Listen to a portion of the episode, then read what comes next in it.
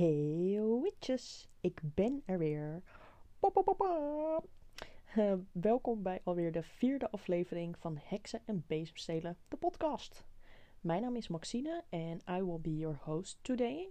Ik hoop dat het goed gaat met jullie allemaal. It has been a while, I know, I know. Maar wat fijn dat jullie er allemaal weer zijn. En aan alle nieuwe luisteraars, welkom bij de podcast waar ik alles bespreek dat te maken heeft met heksen en hekserij. Uh, van bekende heksen tot historie en van spreuken en orakels tot padden en zwarte katten. Fijn dat jullie er allemaal zijn. Parkeer je bezem stil, zet je heksenketel op laag vuur en dan kunnen we beginnen met de podcast van vandaag.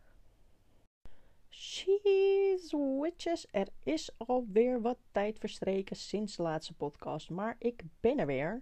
En dit keer ook met een onderwerp dat al gauw ter sprake komt wanneer het over heksen, magie en spiritualiteit gaat, en dat is tarot. Ik merk dat ik vaak de vraag krijg hoe je begint met het lezen van tarot. Ook via mijn Instagram is het onderwerp al meerdere keren aangevraagd. Um, dus bij deze, let's talk tarot. In deze podcast zal ik wat meer vertellen over het ontstaan en het gebruik van de tarotkaarten. Maar ik zal binnenkort ook nog een andere podcastaflevering, of waarschijnlijk wel meer afleveringen, uh, wijden aan de betekenissen en voor wat meer diepgang over het onderwerp. Um, volg je me trouwens nog niet op Instagram, dan is het zeker aan te raden om dat even te gaan doen. Als je op de hoogte wil blijven van de nieuwste podcasts, webshop-updates, kortingscodes, uh, evenementen waar je Witch kunt vinden en nog veel meer allemaal leuke dingen. Zoek simpelweg even op apenstaart Witchplease lagenstreep NL om op de hoogte te blijven van alle ontwikkelingen uh, rondom Witchplease. Laten we meteen even in de geschiedenis duiken van de tarotkaarten. Velen van jullie kennen ze vast wel. De kaarten met hun kenmerkende afbeeldingen en zij die ze kunnen ontpuzzelen zouden toegang hebben tot het voorspellen van de toekomst. Ah, yes. Ik ben gek op de mystiek die rondom deze magische kaarten en hun reputatie hangt de spirituele gids van menig tv-heks, maar tegenwoordig ook steeds vaker te zien op social media als veel voorkomende tool in moderne spiritualiteit. Ikzelf gebruik ze ook graag als een hulpmiddel wanneer ik vragen heb over significante onderwerpen en hier zelf geen helder antwoord op kan vinden. Ik geloof zeker dat het als communicatiemiddel gebruikt kan worden tussen de wereld achter de sluier en die van onszelf. Voeg hier een uh, mysterieus muziekje toe. Vaak zijn mensen ervan overtuigd dat men een bepaalde gave moet bezitten om het geheim van de tarot te kunnen unlocken. Maar in alle waarheid, uh, met een beetje wilskracht, huiswerk en oefening, kan vrijwel iedereen dit leren. Laten we beginnen bij het begin, uh, het ontstaan van de tarot zoals we het vandaag gebruiken. Er zijn verschillende verhalen bekend over het ontstaan van de tarot, maar waar vele bronnen het wel allemaal over eens zijn, is dat het ontstaan is als simpel kaartspel met afbeeldingen die terug te leiden zijn naar het hedendaags leven destijds. In de 16e en in de 17e eeuw waren er al verschillende versies van het spel te vinden door heel Europa, zoals bijvoorbeeld het Italiaanse Visconti Sforza tarot. Deze tarotset werd gemaakt in Noord-Italië in de eerste helft van de 15e eeuw en is geïllustreerd door Bonifacio Bembo, die gespecialiseerd was in vroegere renaissance schilderijen. Dit zijn de oudste overgebleven tarotkaarten en stammen uit de tijd dat tarot nog triomfi of triomfen heette en simpelweg eigenlijk alleen gebruikt werd voor spelletjes. Ook het Solabusca tarotdeck, dat gemaakt zou zijn rond 1490. De Solabusca tarot is een van de oudste bekendste Italiaanse kaartspellen. Zij werd vernoemd naar de markies Busca en graaf Sola. Destijds was het al duidelijk verbonden met de hermetisch-alchemische cultuur van de late 1400e jaren. Men denkt ook dat zij een van de eerste tarotdecks zijn dat volledig geïllustreerd is en als model heeft gestaan voor de grote en kleine arcana zoals we het nu kennen. Er is ook het Franse tarot van Marseille. Een protestantse dominee en vrijmetselaar, Antoine Court de Gebelin, produceerde in 1781 een boek dat de tarot introduceerde als een verborgen bron van tijdloze esoterische wijsheid. Oké, dominee, come through. In dit hoofdstuk van dit boek over de tarotbetekenissen legde Gebelin de complexe symboliek van tarotkunstwerken uit en verbond dat met de legende van Isis, Osiris en andere Egyptische goden. Het duurde niet lang voordat de tarotkaartdecks, zoals de Tarot de Marseille, werden geproduceerd met kunstwerken specifiek gebaseerd op de Gebelins analyse. Men denkt dat de tarot de Marseille in Milaan werd gemaakt en uitgebracht voordat het zich verspreidde naar een groot deel van Frankrijk, Zwitserland en Noord-Italië. En dan komen we natuurlijk bij de Rider-Waite-Smith tarot. In de vroege jaren 1900 maakten mystieke groepen het lezen van de tarotkaarten tot een Amerikaanse rage. Veel Amerikaanse tarotlezers gebruikten en gebruiken nog steeds een set kaarten die bekend staat als het Rider-Waite-Smith of het Rider-Waite tarot. Als je een beetje bekend bent met dit onderwerp, dan heb je deze namen ook vast al wel eens voorbij horen komen. Dit kaartspel werd in 1909 gemaakt door Arthur Edward Waite, een lid van de Hermetic Order of the Golden Dawn. De kunstenaar-illustrator was Pamela Coleman Smith.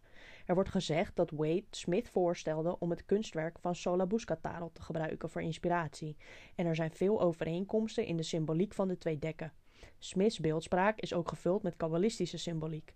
Mede dankzij deze symboliek heeft het dek zijn kenmerkende uitstraling en herkenbare afbeeldingen, die toepasbaar zijn op situaties uit een destijds en toch ook wel hedendaags dagelijks leven.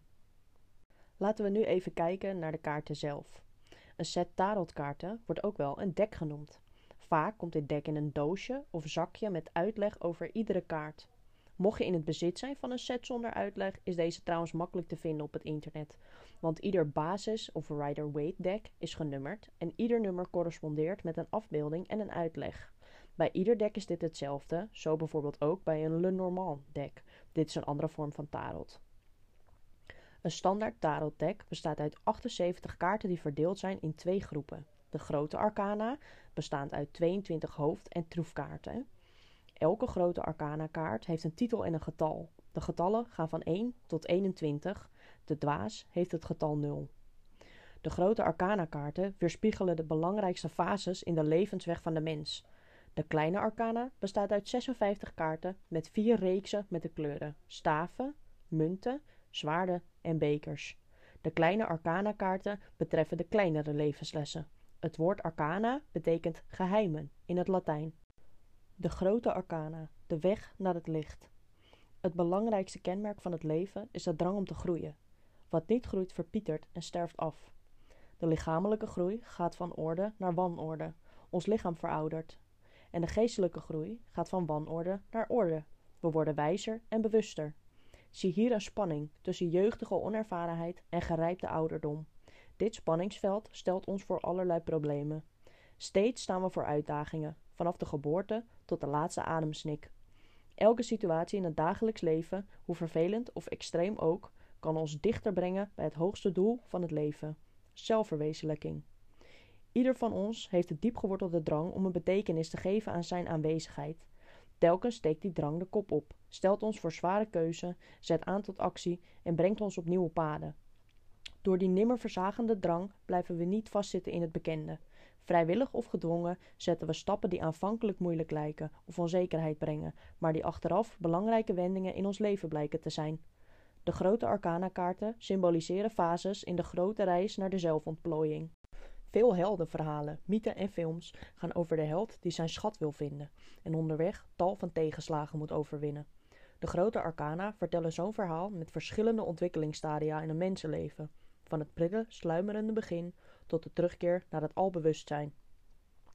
Elke kaart van de grote arcana stelt een situatie voor met een opgave, een stukje van de weg die iedereen als mens moet gaan om zichzelf te vinden. De kaarten verbeelden zowel de spanning als de oplossingsrichting. De kaarten geven ons inzicht en raad om juist te handelen en verder te kunnen. De kaarten vertellen ons trouwens niet hoe ver ons bewustzijn is ontwikkeld.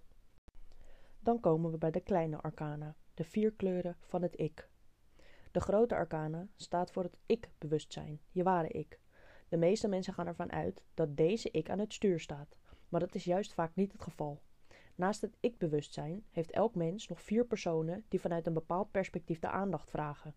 Deze vier ik-personen zijn je wil, je gedachten, je lichamelijke gevoelens en emoties. De vier kleuren van de kleine arcana vertegenwoordigen deze vier personen. Als je je niet bewust bent dat deze vier personen zich proberen uit te geven voor je ik en je je ermee gaat identificeren, grijpen deze vier personen ongezien de macht. De kaarten van de kleine arcana vertellen je waar deze vier personen, die strijden om aandacht en macht, mee bezig zijn. De zogenaamde vier kleuren van het tarot corresponderen allemaal met een element, een natuuronderdeel, een karakteristiek, een bepaald temperament, een actie en een kleur van een hedendaags kaartspel. Ook heeft iedere kleur zijn eigen betekenis. Zo toont bijvoorbeeld de reeks van staven de manier waarop de mens zijn eigen leven actief vormgeeft. De reeks van zwaarden wijst op onze mentale vaardigheden, zoals communicatie, rationeel denkvermogen, redeneren, plannen maken, beslissingen nemen, onderzoeken en beoordelen. De reeks van munten staat in de eerste plaats voor de gewaarwording van het lichaam, zowel de zintuigelijke waarnemingen als de lichamelijke behoeftes, voedsel, beweging, rust, seks, etc., om gezond te kunnen blijven. En de reeks van bekers of kelken staat voor de vormen in de ziel, de identiteit. Bekers omhullen vloeistoffen. De wereld van de ziel is steeds in beweging en beïnvloedbaar. Vloeistoffen zijn tastbaar, maar toch ongrijpbaar. En zo heeft iedere laag van de tarot een betekenis. Dit vergt van hen die de kunst onder de knie willen krijgen zeker wat aandacht en research. Maar je zult ook merken dat hoe beter jij op de hoogte bent van de betekenissen en interpretaties van de kaarten, dat je voorspellingen steeds accurater zullen worden. Wat ik zeker kan aanraden als mede-tarotstudent is schrijf alle betekenissen uit, zodat je ook wat makkelijker linkjes kunt leggen voor de meest duidelijke uitleg van je kaartlegging. Probeer ook vaak te oefenen. Uh, begin daarbij met jezelf. Leer je tarotdeck kennen, want ieder deck heeft zijn eigen attitude. En probeer open te staan voor wat het deck je probeert te vertellen. Nog iets wat ik altijd benoem bij het uitvoeren van dit soort rituelen of bezigheden is dat je altijd met respect en goede intenties aan de slag gaat. Alle spirituele tools en middelen zijn bedoeld om jezelf en de wereld om ons heen beter te maken. En enkel en alleen met goede en zuivere intenties zul je dat resultaat behalen. En dat zul je ook zeker merken bij het leggen van je tarotspreads. Als jij je deck benadert met onsignificante vragen, zoals welke kleur moet ik vandaag aan of zit mijn haar wel goed, zul je ook geen serieuze responses krijgen. Hoe vaak je deze vragen ook zult stellen of op welke manier ze ook vormgeeft. Hierom is het ook belangrijk dat je je deck met respect benadert. Je mag minstens gebruik maken van deze tool en hiervan leren. Dat is zeker iets wat met respect behandeld dient te worden. Als je dit toepast in je manier van werken, zul je ook snel merken dat je een beter begrip krijgt van het deck waar je mee werkt. Of decks, je kunt er zoveel bezitten als je wil. Ik heb er inmiddels ook al vier, gok ik. En als je dus een tarotlegging gaat doen, zorg dan dat je werkruimte schoon is, dat je je hoofd hebt leeggemaakt voor optimale focus en dat je je vragen helder op een rijtje hebt. Wanneer ik kaarten leg voor mezelf of voor anderen, zorg ik ervoor dat ik in een fijne ruimte ben met zo min mogelijk andere prikkels. Ik heb van ieder element iets aanwezig op mijn werktafel voor een krachtige energieflow en ondersteuning. En ik heb mijn kaartendek geschud zodat ik geen energie meeneem van vorige lezingen.